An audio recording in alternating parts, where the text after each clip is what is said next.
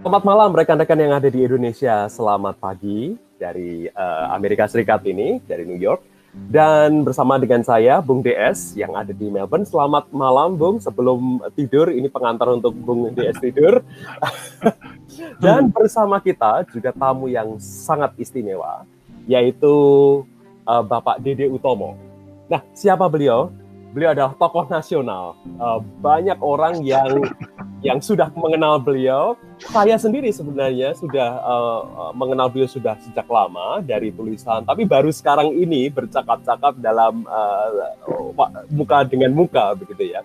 Pada waktu, ya, pada waktu saya kuliah di Seattle, saya juga mendengar tentang Pak dari oh. Profesor Haskin. Dari, ya, oh, saya iya, tinggal iya. dengan Profesor Haskin pada waktu itu. Alright. Nah, jadi ini sebuah kehormatan buat uh, kami dan juga tim teologi untuk boleh mengundang Pak Didi di tengah-tengah kesibukan beliau yang luar biasa. Oh. Siapa rekan-rekan uh, Dede Utomo? Dede Utomo adalah penggerak uh, hak hak uh, kemanusiaan begitu dan khususnya gerakan uh, LGBT dan beliau juga pelopor uh, gaya Nusantara dan yang sangat-sangat uh, penting juga disebut di sini beliau menyelesaikan studi doktoralnya dalam bidang linguistics yeah. di Cornell University uh, di Ithaca di New York. Nah, rekan-rekan semua, uh, kita akan berbicara hari ini tentang gender, seksualitas, dan komunitas iman. Nah, Pak Dede, kebanyakan ya. rekan-rekan yeah. yang menonton teologi ini adalah hmm. uh, para calon-calon teolog atau calon okay. pimpinan hmm. umat yang sekarang ini masih yeah. kuliah di STT, Sekolah Tinggi Teologi. Ah ya. Nah, okay. uh, yang pertama, uh, hmm. saya ingin bertanya nih, apa hmm. yang membuat Pak Dede tertarik untuk menggeluti masalah gender, sexuality dan dan hmm, isu-isu hmm. seputar kesetaraan gender? Monggo Pak. Ya. Ya, awalnya sih saya sendiri waktu coming out uh, tahun 7980 itu uh, segera merasakan uh, karena saya bergabung dengan uh, grup uh, gay di kampus ya waktu di Cornell ya.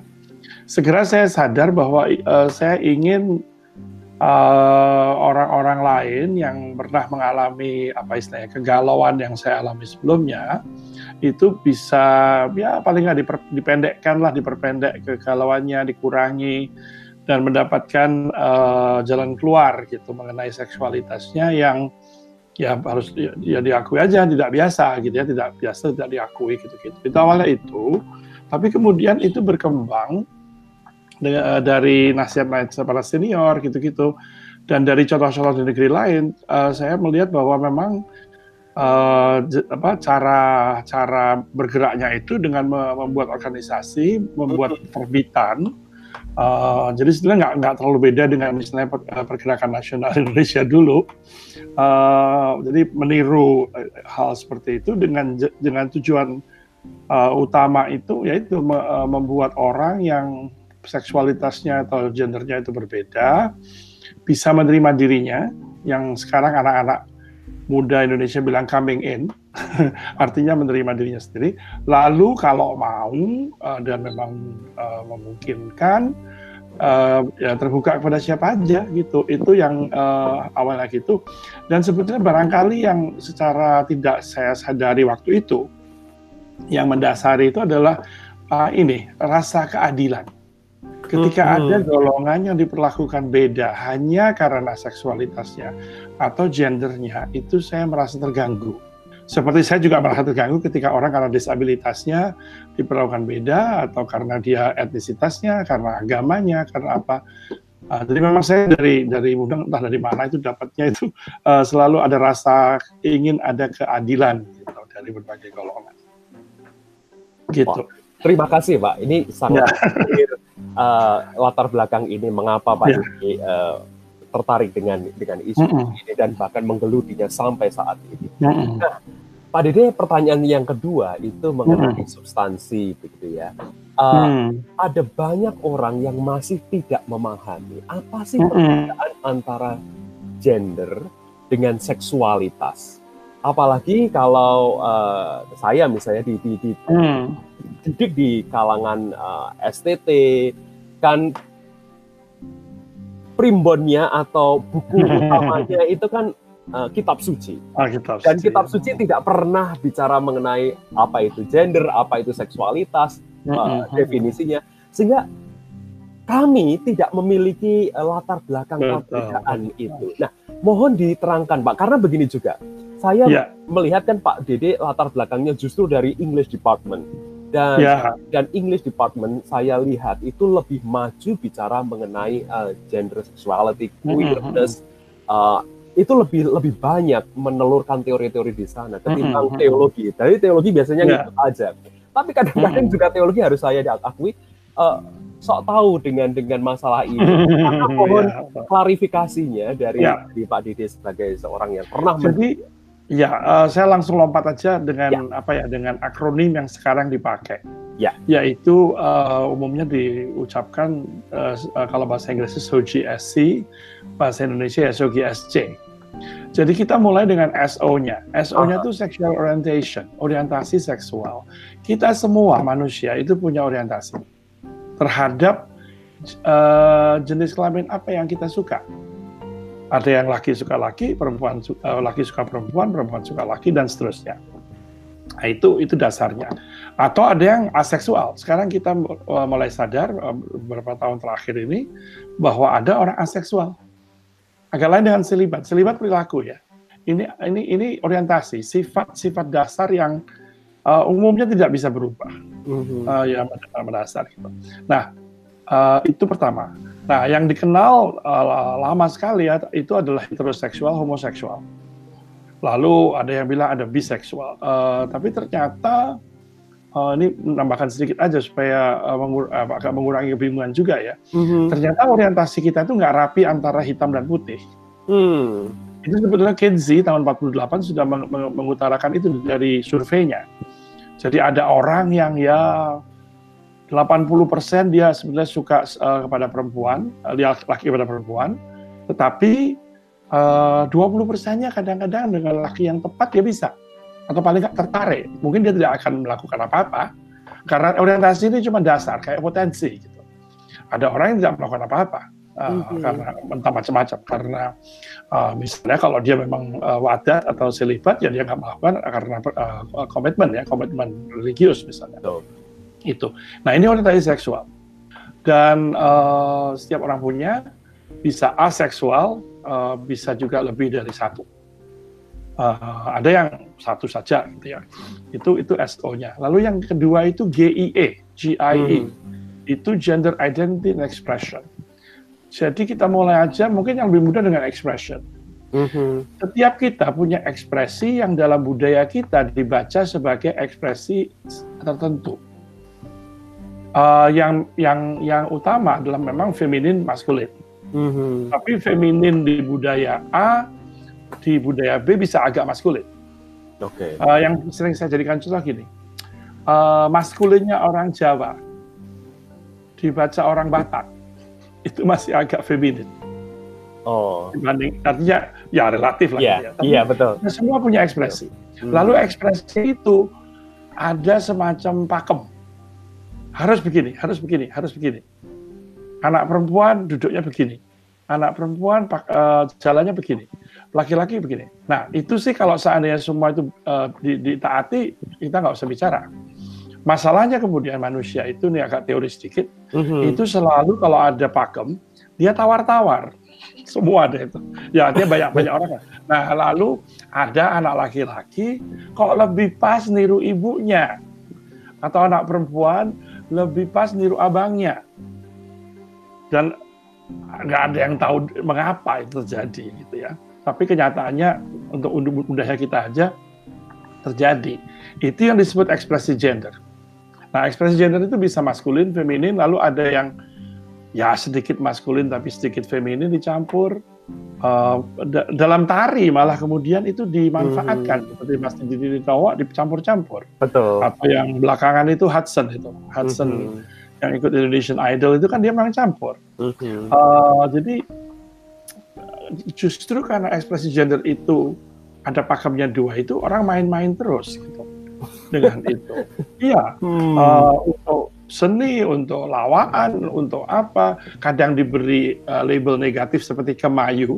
Iya. Yeah. Pada kemayu itu di, nggak disuka sama orang-orang yang laki-laki yang feminin.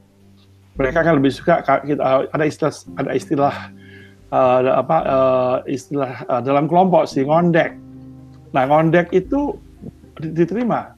Kemayu hmm. itu dianggap itu istilahnya orang sana untuk menghina kita. Gitu. Hmm. Nah itu. Nah yang sering orang salah uh, kira ketika laki-laki misalnya cenderung feminin, oh pasti homo. Belum tentu. Hmm. Ada laki-laki yang hampir total heteroseksual tapi memang dia feminin. Iya. Yeah. Ya dan dan itu seperti saya katakan itu dari dari budaya ke budaya bisa bisa berbeda begitu juga mas, uh, maskulinitas dan gitu gitu itu. Nah ini ekspresi gender yang juga macam-macam dan dengan ber, ber apa dengan berlalunya waktu misalnya kalau mau jadi penyanyi K-pop ya harus feminin cowoknya. Nggak boleh terlalu maskulin. Maskulin boleh ikut misalnya uh, sekarang gini aja. Sama-sama binaraga aja. Hmm. yang binaraga kayak Adirai dengan yang elemen lain loh ekspresi gendernya. Elemen lebih manis lebih feminin gitu ya. Kalau terlalu sangar nggak bisa ikut elemen hmm. ya, ya kan uh, otot ya ototnya pun tidak bisa terlalu besar kayak Adirai nah, beliau boleh aja kalau begitu itu itu hadiah toh. Nah ini ekspresi gender. Pakaian juga bisa ya dan pakaiannya juga dipermainkan terus. Kita ingat kalau yang mengenal uh, cara berpakaian laki-laki zaman Mozart itu kan pakai bedak pakai itu apa merah-merah itu rouge dan kemudian diberi Thailand palsu pakai wig yang wignya dikasih bedak juga yeah. ya toh seperti perempuannya juga gitu dan waktu itu tidak dianggap apa-apa ya dianggap itulah pantas Ya, zaman George Washington masih rambut panjang. Habis itu pendek. Lalu panjang lagi zaman Beatles segala. Lalu sekarang macam-macam. Dan seperti saya katakan misalnya uh, apa, uh, uh, boy band Korea lain lagi gitu-gitu. Itu ekspresi. Nah, ekspresi ini sebetulnya jangan dihubungkan dengan apa-apa dulu. Misalnya yang paling gampang yang agak membingungkan memang itu adalah jangan dihubungkan dengan identitas gender. Nah, identitas ini adalah perasaan kita yang paling dalam mengenai gender kita. Mm-hmm. Yang paling bisa menjawab adalah kita sendiri. Jadi uh, sekarang ada dua istilah yang yang gampang aja. Satu itu transgender. Ini mereka yang terlahir biasanya katakanlah perempuan, tapi lebih pas jadi laki-laki atau mirip laki-laki. Dan uh, itu masih ekspresi ya. Tapi ketika dia itu dijadikan identitas, dia bilang saya transman, saya priawan, saya trans laki istilahnya masih lagi cari jadi banyak banyak istilah gitu. Ah hmm. itu transgender gitu. Nah tentu saja masyarakat oh, biasanya juga langsung menyebut gitu ya. Nah yang dikenal di masyarakat kita rata-rata adalah waria atau uh, istilah istilah negatifnya bencong, banci gitu ya. Itu itu lama dikenal sebetulnya. Uh, bisa biasa, deskriptif, bisa uh, negatif gitu. Nah, nah waria itu harapannya sebetulnya tidak uh, netral, netral ya, jadi tidak negatif. Gitu. Dan itu sebetulnya sudah merupakan gerakan sendiri tahun 60-an dari dari Bencong jadi Wadam, Wadam menjadi waria. Uh, gitu. Nah, kita-kita yang tidak nyebrang uh, istilah populernya ya disebut hmm. cisgender, CIS, gender. Uh, saya merasa cisgender uh, dengan segala hormat kepada teman-teman waria, saya bukan waria. Ya, di identitas gender saya. Nah, gitu. Nah, itu yang GIE. Nah, yang beri uh, tadi SO sudah ya. Nah, ada satu lagi yang kemudian sekarang kita pelajari sekalian aja karena kalau nggak disebutkan mereka teman-teman yang di golongan ini juga keberatan, yaitu mereka yang uh, dari segi biologis itu gimana ya nyebutnya supaya tidak menghina ya, tidak seperti eh, laki-laki uh, dan perempuan biasa. Anatominya misalnya. Kalau laki-laki kan ada penis, ada uh, apa, uh, testes, buah zakar. Perempuan ada vagina, klitoris, dan kalau mau ke dalam ada apa uh, ovarium segala ya.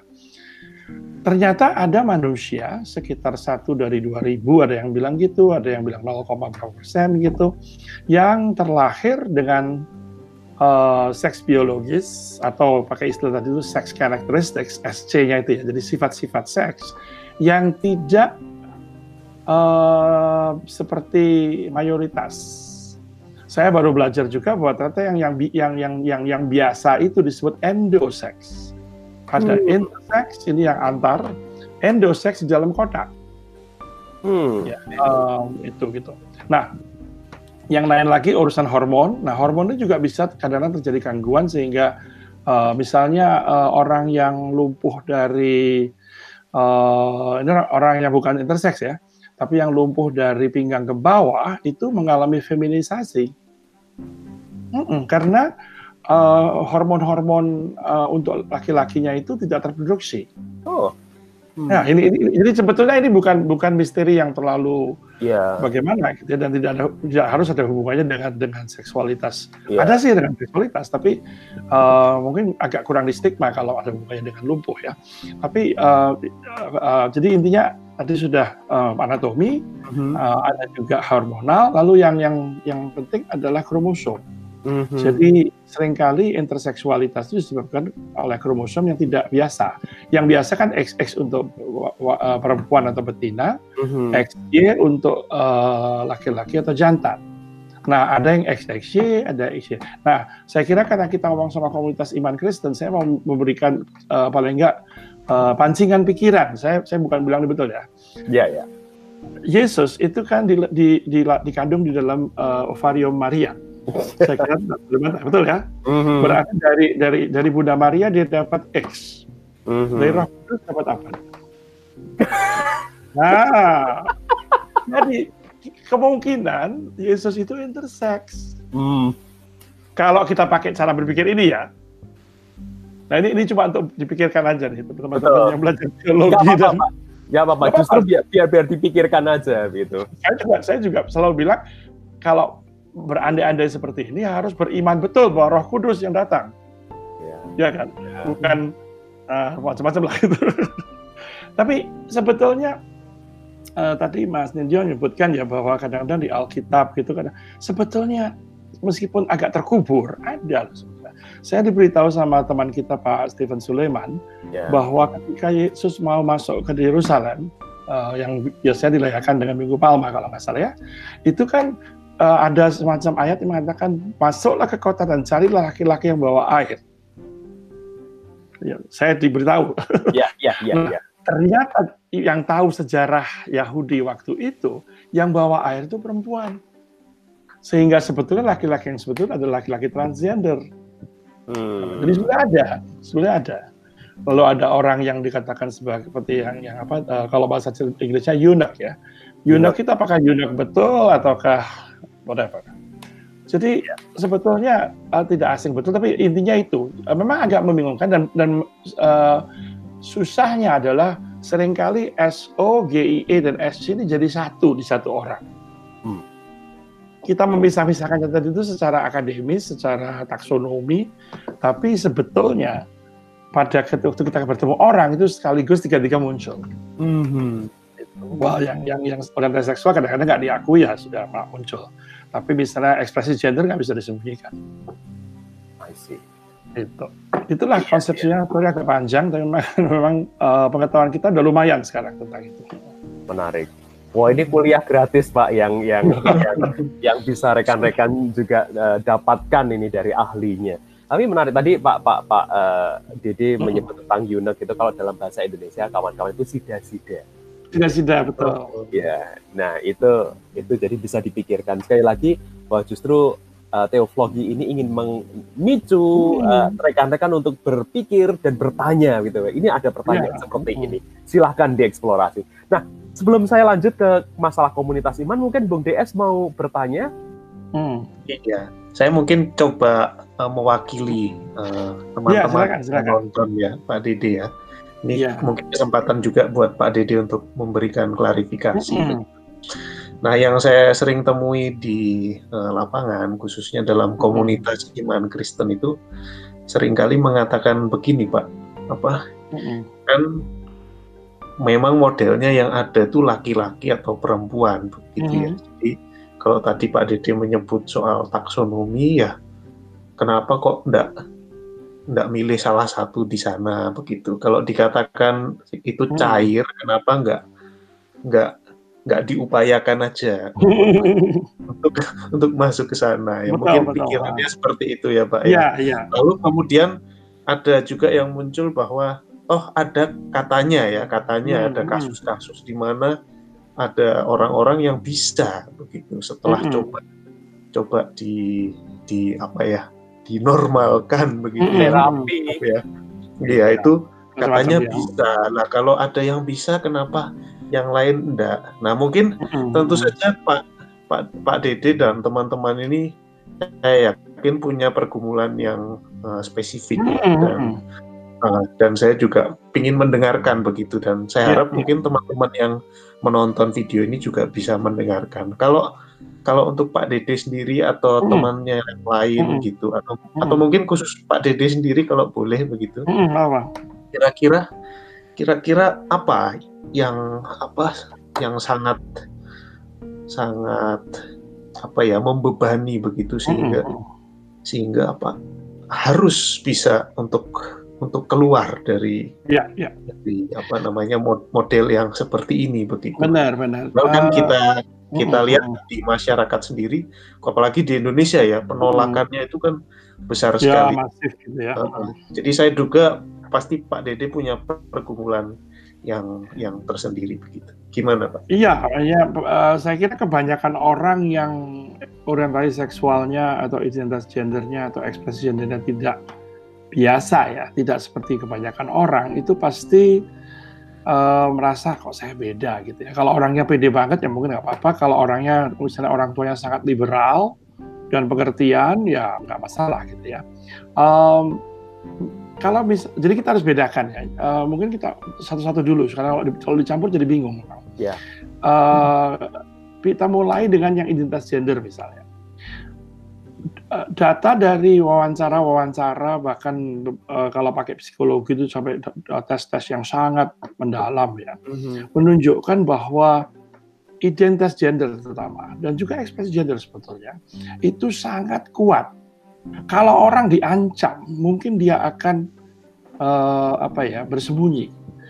Uh, dia akan berselubung. Yang sebenarnya sama aja dengan misalnya minoritas agama kalau diancam dia ya kalau terpaksa KTP-nya harus mengaku Islam atau Kristen padahal dia sebenarnya bukan ya udah deh daripada mati kan. Hmm. Beberapa ada yang bersemangat martir atau kebetulan jadi martir gitu ya sampai hmm. sampai uh, uh, mati gitu ya. Jadi ini perasaan yang sangat kuat yang sekarang uh, disebut uh, oleh sains sebagai gender dysphoria, dysphoria gender. Jadi antara uh, jenis kelamin biologis yang didapatkan waktu lahir dan kemudian jenis kelamin sosial atau gender atau identitas gender yang berkembang itu nggak nyambung. Kan maunya masyarakat kalau kamu dilahirkan dengan uh, penis dan buah zakar, jadilah laki-laki, cisgender. Kalau kau dilahirkan dengan vagina, klitoris, dan ovarium, jadilah perempuan. Nah masalahnya orang-orang yang nyebrang ini itu sangat terganggu. Bahkan sebagian terganggu dengan tubuh yang mereka miliki. Misalnya teman-teman transmen, kalau misalnya mampu dan berani dan memang diniati itu akan membuang uh, uh, susunya buah dadanya. Mastektomi. Itu nggak nggak mudah nggak murah dan setahu saya BPJS belum menanggung mungkin ya. Tapi intinya adalah ini dorongan yang kuat banget gitu. Nah kalau dibawa ke orientasi seksual juga sama uh, itu yang kalau mau tahu saya sendiri ketika saya remaja itu yang saya alami. Kok saya beda gitu? Ya kan? Uh, tapi sesudah saya makin baca makin baca ternyata oh itu biasa-biasa aja sih. Di, di, di, di masyarakat manusia selalu ada. Mau dari psikologinya mau dari ya sudah tentu saja saya saya cari uh, yang pembelaan ya. Jadi kalau psikologi saya ke Freud. Okay. kalau misalnya saya malah sebetulnya waktu coming out itu pemicunya itu sayangnya saya tidak bisa tidak ingat judulnya itu pamfletnya para Quakers jadi ya, kami ya, ya. saya sangat sangat Kristen. Okay. Jadi waktu tahun 70-an orang uh, salah satu aliran Kristen yang sudah maju sekali waktu itu adalah Quakers. yeah. American Friends Service Committee kan AFSC. Dan yeah. di situ saya diberitahu bahwa ya sudah ini adalah pemberian Tuhan kepadamu. Terimalah. Oh, oke. Okay. Tapi itu cuma buat saya berpemicu aja. Nah, yang Anda sebutkan adalah, adakah yang berubah-berubah? Ada sih, kalau diakui ada yang berubah karena paksaan, karena itu macam-macam. Saya biasanya uh, akan tanya, dan juga uh, mereka yang tidak begitu uh, sepakat mengatakan, coba amati orang itu berapa lama. Kalau dia nahan, uh, identitas gendernya disembunyikan, uh, jadi yang katakanlah yang waria nggak pakai rok, bisa aja Nah, mungkin agak agak risih tapi ya sudah lah gitu ya. Uh, orientasi seksual bisa disuruh nahan, selibat. Uh, by the way itu per, saat ini yang konvensional permintaannya gereja Katolik. Mm-hmm. Kalau oh kami boleh menerima sakramen tapi jangan berbuat kalau bisa ya. Mm. Ya jadi uh, bahasa Inggrisnya love the sinner not the sin. Mm-hmm. Meskipun Vatikan juga mulai berubah nih kayaknya. Mm. Uh, tapi, uh, anyway, tapi itu uh, nanti buat yang belakangan nanti mungkin. Uh, tapi memang jadi itu uh, perubahan itu apakah permanen sesungguhnya dan juga yang sekarang di beberapa negara bagian Amerika misalnya di beberapa negara lain kemudian menjadi uh, tindak pidana mengubah orientasi seksual orang sekarang sudah jadi crime di 11 negara bagian Amerika jadi kalau ada gereja yang lakukan, langsung pendetanya akan masuk penjara. Atau at least dibawa ke pengadilan lah, tergantung juga hakim dan segala ya. Jadi ini harmful. Nah yang terakhir kemudian biasanya orang eh, orang-orang kayak saya masuk ke hak asasi. Kalau saya mau tetap misalnya tetap uh, dengan badan biologis laki-laki tapi pakai pakaian perempuan kan itu hak saya. Lalu yang masyarakat harus menerima saya, bukan dibalik gitu. Nah, memang cara berpikir ini memang kurang ajar dan tapi kalau kita perhatikan sama juga dengan misalnya eh, golongan-golongan lain yang minoritas, mau etnis misalnya. Dulu golongan Tionghoa disuruh menyesuaikan diri, pembauran. Mm-hmm. Ya, tapi kelamaan pembauran seperti apa? Karena mm. dari sosial kita tahu orang dipaksa itu dia pasti akan tawar-menawar ya kadang-kadang seperti di Iran aja. Di Iran orang perempuan disuruh pakai uh, hijab. Ya kadang-kadang bikin pesta uh, pribadi pesta uh, private semua lepas jilbab. Just for the night. Hmm. ya memang orang yang konservatif dan yang uh, memegang peraturan bilang wah ini ini subversif ini kurang ajar. Tapi ya kalau menurut saya sih ya ini ini makanya ini masih masih tarik-tarian gitu. Hmm. jadi uh, tapi intinya adalah uh, harus dipertanyakan lagi ada apa kita memaksa orang masuk ke dalam taksonomi tertentu? Kalau itu bukan haknya uh, kalau kalau itu bisa menjadi haknya untuk untuk beda. Jadi persoalannya adalah uh, makanya dalam dalam diskusi-diskusi uh, biarpun tentang LGBTI itu juga selalu dihubungkan dengan sekarang kayaknya memaksa orang untuk beragama seperti yang mainstream sudah meskipun di Indonesia masih jalan ya. Jadi Ahmadiyah dipaksa untuk jadi Sunni baku, Syiah, Syiah mau disuruh jadi Sunni gitu kan. Nah kan kemudian jadi nanti nanti kalau kalau nggak hati-hati nanti apa? Mennonite disuruh jadi apa gitu. Nah itu sama sebetulnya itu itu yang sedang terjadi. Uh, tinggal memang ada orang yang keberatan, oh jangan disamakan seksualitas dengan agama.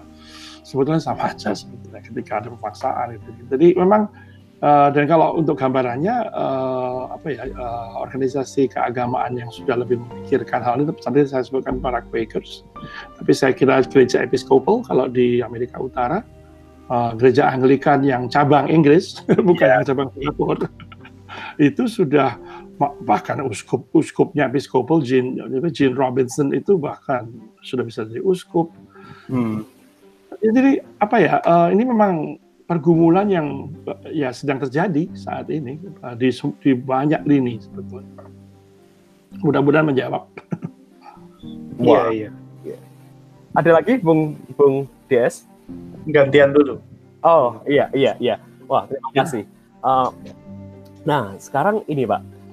Uh, hmm. Apa namanya bicara mengenai komunitas iman gitu. Nah, hmm, ya. ini kan banyak sekali di Indonesia. Tetapi dari penyelidikan Pak Dede sendiri, uh, Pak Dede melihat fenomena apa di Indonesia tentang uh, eh, LGBT dan relasinya dengan komunitas ini? macam-macam ya. Saya kira yang pernah membuat disertasi itu Pak Yuswan Tori uh, di St. Stephen's College. Saya kebetulan jadi uh, salah satu pembimbingnya. Mm-hmm. Jadi uh, kapan aja omong itu uh, apa uh, disertasinya. Karena dia melihat 13 orang Kristen.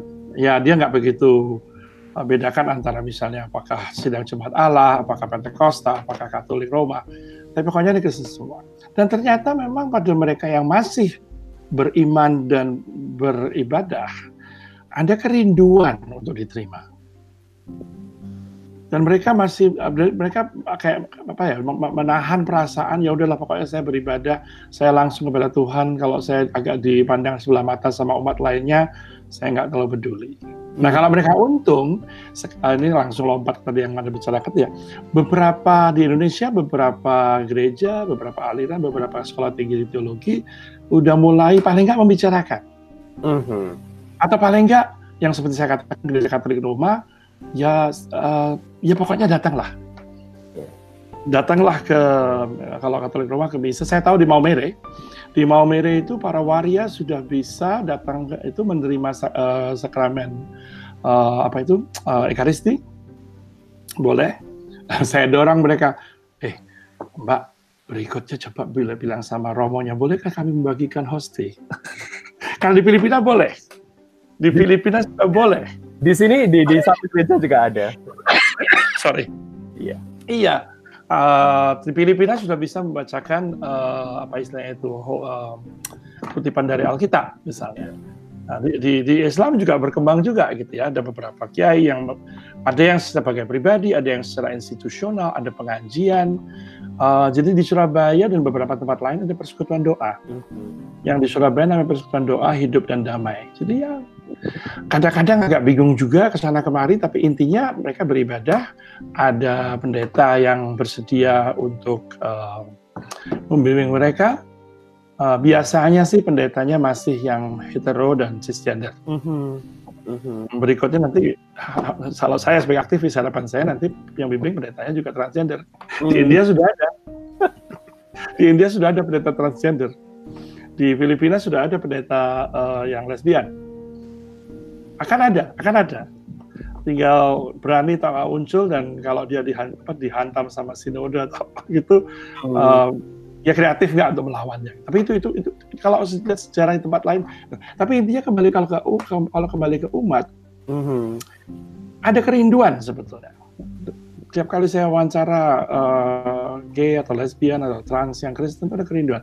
Bahkan saya pernah baca memang cuma laporan populer, saya belum lihat makalahnya. Terutama orang gay ya, laki-laki ya, itu suka sekali dengan ritus agama. Uh, iya, interesting. Jadi, oh, itu di Maumere itu juga, tapi di Maumere trans ya. Waria-waria itu rajin banget menghias gereja. Mempersiapkan altar dengan bunga-bunganya. Dan kebetulan di sana diterima, jadi ya mereka senang. Dan ya kalau mau dikejar uh, teologinya paling-paling mungkin Romo yang bilang, ya kenapa kita harus larang? Dia hanya mempersiapkan untuk apa uh, perayaan you know, ekaristi kan ya sudah lah. Kalau dia berdosa ya mungkin nanti mau dan, dan sekarang masalah sainsnya kan bilang mau tobat tobat seperti apa? Hmm. Karena uh, identitas gender kan nggak bisa diubah. Itu hmm. persoalan. Jadi sekarang masalahnya uh, terutama di gereja-gereja yang mau mau mau tafsir ulang gitu-gitu, sainsnya kan mengatakan begini begini begini. Lalu masuk lagi asasi.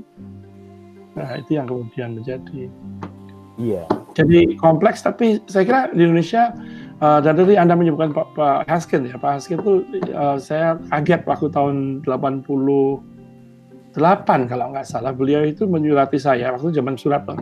Ya. Di Jakarta langganan majalah Gaya Nusantara. Jadi di STT itu setahu saya lengkap itu Gaya Nusantaranya yang di Jakarta itu. Uh, dan sebetulnya bukan bukan pertama gereja Kristen, saya kira sekarang saya boleh sebutkan ya tahun ya. tahun 90-an awal gereja Kristen Jawa menghubungi kami. Hmm. Tapi di, di, waktu itu dibilang jangan diberitahukan ya, tapi saya kira sekarang nggak lah. Ya. Uh, dan jadi ada yang mau engage, ada yang langsung a priori nolak ya sudah lah. Ya, yang menarik ya. adalah di, yang menolak ini juga ada umat-umat yang tetap bertahan lalu itu sendiri bisa jadi penelitian. Bagaimana mereka berwacana. Gitu. Misalnya salah satu yang uh, yang uh, yang disebutkan begini, pokoknya antara saya dengan Tuhan, pendeta kan cuma perantara. Iya. Yeah. Gitu. Yeah. Ada saya yang senang itu ada seorang uskup di LA, kalau nggak salah dari Metropolitan Community Church ya. Oh, By the way, ya memang, memang, memang dia memang uh, uskup lesbian. Yeah. Dia bilang uh, dan saya selalu pakai itu kalau ngomong di depan audience Kristen. Do you dare to lie to God? Hmm. Beraninya kau berbohong kepada Tuhan? Pada orang tua silakan, jangan ngaku kalau kamu lesbian. Kepada kepala sekolah mungkin ya, kepada uh, bos mungkin supaya nggak dikeluarkan dari kerjaan. Tapi sama Tuhan berani nggak bohong? Jadi saya kira uh, tidak sederhana uh, dan macam-macam engagementnya. Tapi ya kalau saya boleh bilang sebagai aktivis kita gerak terus uh, um, apa uh, macam-macam gitu. Mm-hmm. Wah menarik Pak. Ada dua pertanyaan ini yang. Oke okay, silakan silakan. Di sini. Nah sekali lagi banyak penonton ini adalah rekan-rekan yang masih studi teologi. Iya, nggak apa-apa. Pak Dede, kalau seandainya rekan-rekan -huh mau meneliti kira-kira topik mm -hmm. apa yang bisa dikembangkan untuk baik itu skripsi, mungkin tesis, mm -hmm. bahkan disertasi, mungkin dalam konteks Indonesia atau Asia mm -hmm. Tenggara atau bahkan global. Mm -hmm. Itu yang pertama. Lalu yang kedua, dari eh, rekan-rekan uh, yang uh, eh, LGBTQI, mm -hmm. Apa sih yang sebenarnya menjadi dambaan uh, mm. terhadap komunitas-komunitas iman, khususnya mm. di Indonesia? Mari Pak, silakan. Ya, yang pertama tuh banyak sekali ya, tergantung saya saya juga nggak gitu apa. Saya saya nggak pernah ngajar di Fakultas Teologi atau sekolah teologi, tapi salah satunya misalnya UTAT uh, eh, Alkitab.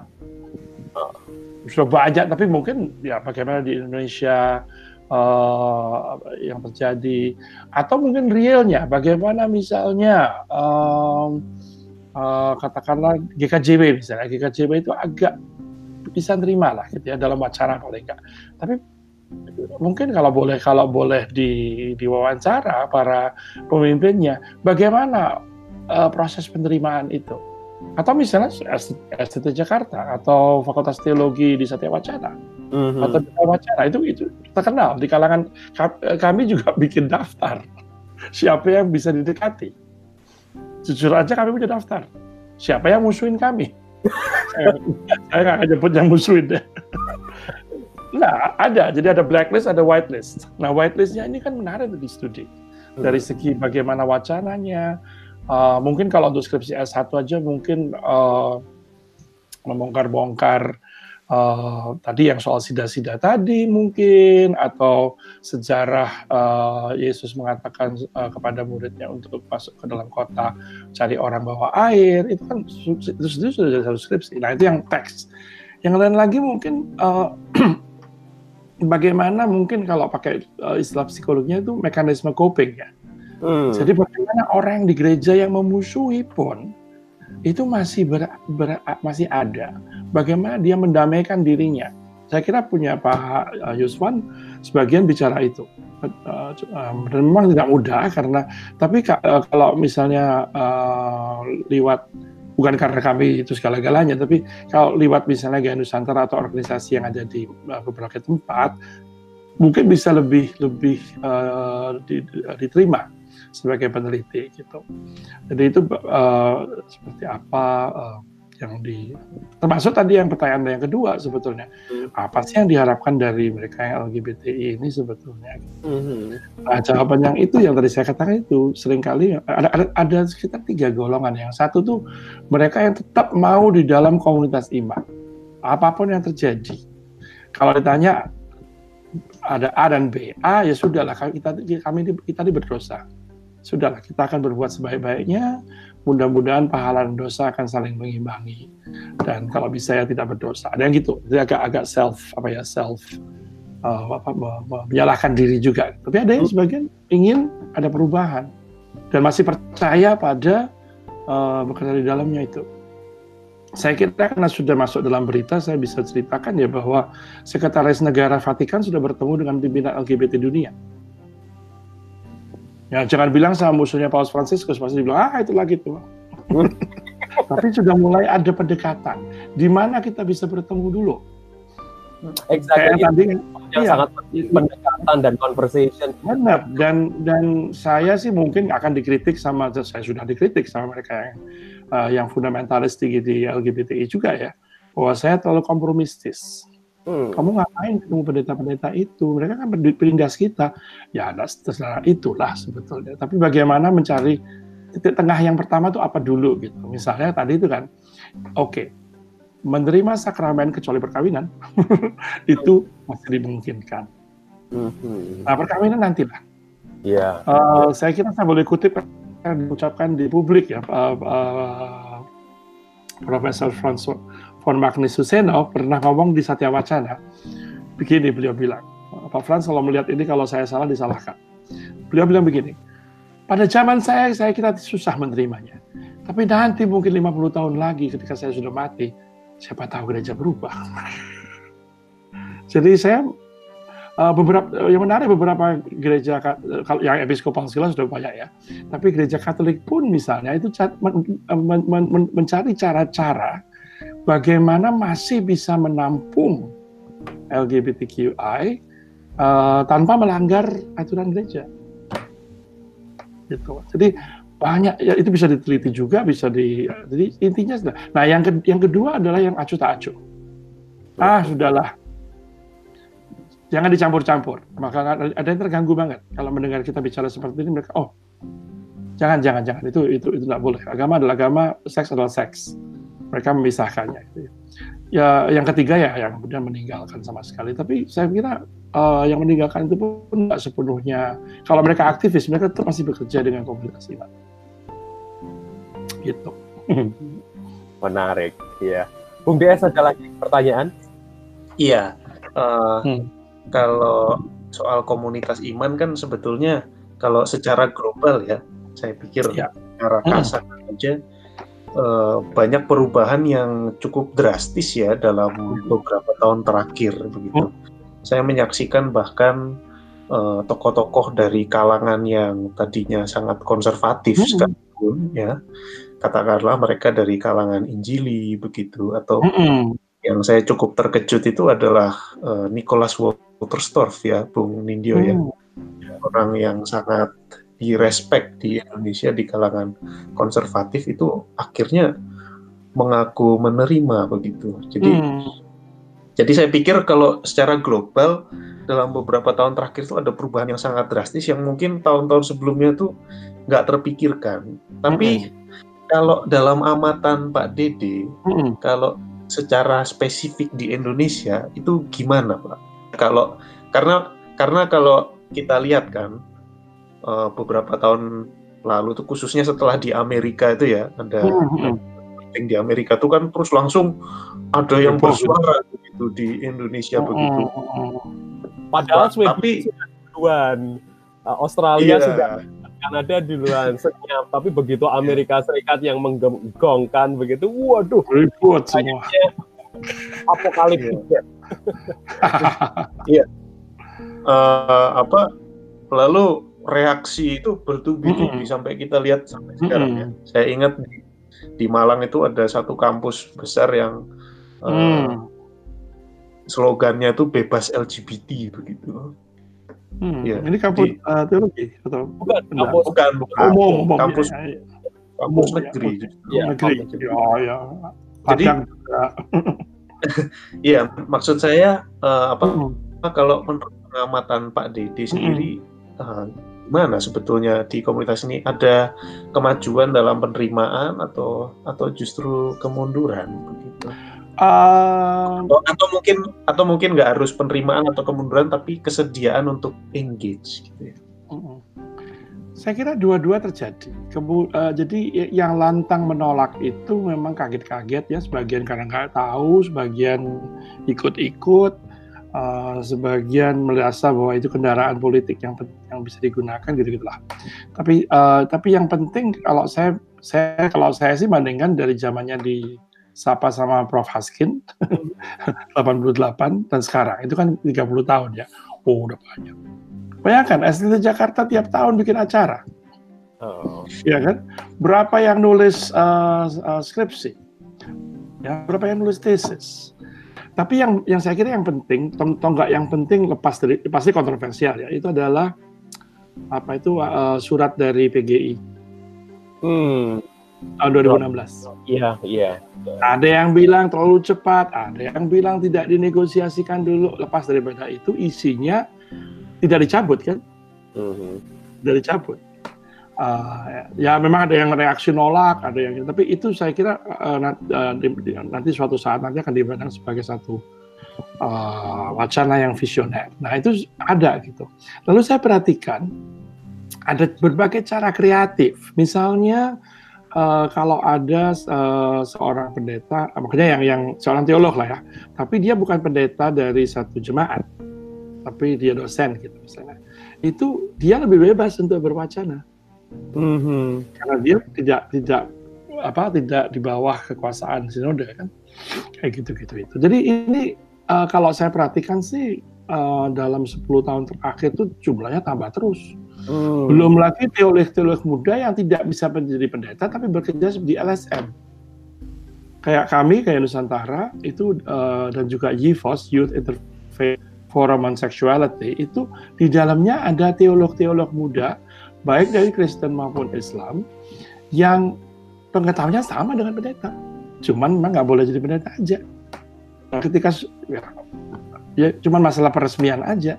Nah itu itu yang um, jadi saya kira ada kemajuan kok, ada kemajuan uh, uh, dan tinggal tinggal digerakkan terus dan pasti perlawanan ada gitu ya. Uh, tapi uh, kalau melihat sejarah di negara-negaranya kayak gitulah dan yang yang dikatakan Bung DS tadi uh, pengalaman saya ya sebetulnya ini pengalaman pribadi ya. Ketika orang yang paling kaku dan seperti batu pun menyaksikan kehidupan sesungguhnya dari seseorang dia bisa luluh. Kalau dia orang baik. Hmm. orang bisa berubah. Hmm. banyak dari orang yang kita uh, bekerja sama dengan kami uh, dua hal. Satu ada yang dulunya itu takut dan anti, pokoknya homofobik Paul. Sekarang malah jadi apa istilahnya itu pro oh, banget. Oh, oh, jadi elah, jadi sekutu. Betul bersekutu. Di mana-mana bicara itu sampai sampai ada yang dicurigai salah-salah ada lesbian ya. yang yang terserah. Itu yang pertama. Jadi ada yang dan yang kedua adalah orang berkembang juga. Tadi saya sebutkan uh, Profesor siapa Francis Magnis. Saya bertemu beliau 2011 di Singapura dengan di wacana-wacana udah berbeda. Ya, uh, beberapa ulama Islam yang berubah juga. Mereka kan belajar juga, belajar juga gitu. Jadi saya kira selama niat kita adalah uh, tujuan akhir adalah kesejahteraan mereka yang di dalam komunitas umat maupun di luarnya itu itu itu maksudnya. Dan satu lagi yang menarik begini, uh, ini khusus saya kira nggak apa saya sebutkan ya. Kalau kita bicara soal misalnya gereja Katolik Roma, tergantung ordonya. Hmm. Kalau Yesuit lebih bisa dibicara-bicara. Hmm. Kalau SVD lebih bisa diajak lagi. Hmm itu kan romo-romonya praktis antropolog sebetulnya. Dengan dikasih label, dikasih tambahan, uh, ditahbiskan sebagai romo. Gitu. Tapi sebetulnya antropolog. Jadi antropolog pasti kenal lah macam-macam perbedaan gitu-gitu dan biasa-biasa aja gitu. Nah ini yang kemudian kita. Lalu saya juga dari segi gender, uh, kaum perempuan, pendeta perempuan, lalu apa ya uh, wanita Katolik misalnya, uh, Perwati, uh, uh, Persatuan Teolog uh, Perempuan, lebih gampang diajak daripada mereka yang laki-laki. Interesting. Gender, gender. Jadi memang banyak nih ya, Pak, banyak uh, twistnya, banyak uh, selok beloknya yang ya kami sebagai aktivis manfaatkan. Uh, hmm. Ya perlawanannya pasti ada di sana sini, tapi ya tak apa-apa lah itu biasa. Wah, ini percakapan ya, hampir satu jam yang sangat menyenangkan dari dengan oh, ya. sudah mau satu jam. hampir yang, yang, yang hampir betul yang yang memang uh, harus menyudahi percakapan kita yang seru. Ya, ya. Tapi terima kasih sekali lagi untuk kesediaan Pak Didi. Saya terima kasih diajak bicara, saya senang dan ya. tahu bahwa apa ada yang mendengarkan. Kalau ada yang mau ngobrol atau tanya-tanya, silakan. Uh, ya. Saya terbuka. Kalau saya sibuk ya di, diulang lagi nanyanya. Betul, iya, ya. terima iya. kasih. Ya, justru inilah inilah tujuan teologi ini, Pak. Justru iya. memberikan ya. uh, tidak memberikan uh, norma kemudian uh, jawaban, tetapi justru biarlah ini ada banyak pertanyaan dan kalau nanti ingin menghubungi mengkontak lagi silahkan uh, ada nomornya yang bisa dikontak di sini. Terima kasih teman-teman sudah menyaksikan uh, teologi kali ini bersama dengan kami yaitu Dr. Dede Utomo, uh, pelopor gaya Nusantara, dan juga aktivis LGBTQI di Indonesia, juga pejuang kesetaraan gender. Masih panjang tentu saja perjuangan ini, tetapi bukan tidak mungkin bahwa uh, kelak akan terjadi perubahan-perubahan, tetapi uh, kita mengingat kalau dari sisi teologi bahwa Yesus pernah berkata, apa yang kamu berikan uh, bahkan kalau kamu memberikan secangkir air sejuk kepada uh, hmm. yang terkecil dari antara aku saudara itu kamu sudah melakukannya untuk aku. Nah, terima kasih untuk waktunya sekali lagi Pak Dede. Terima kasih Bung DS. Dan salam semua rekan-rekan. Ya. Bye. Thank you. Ya, mari.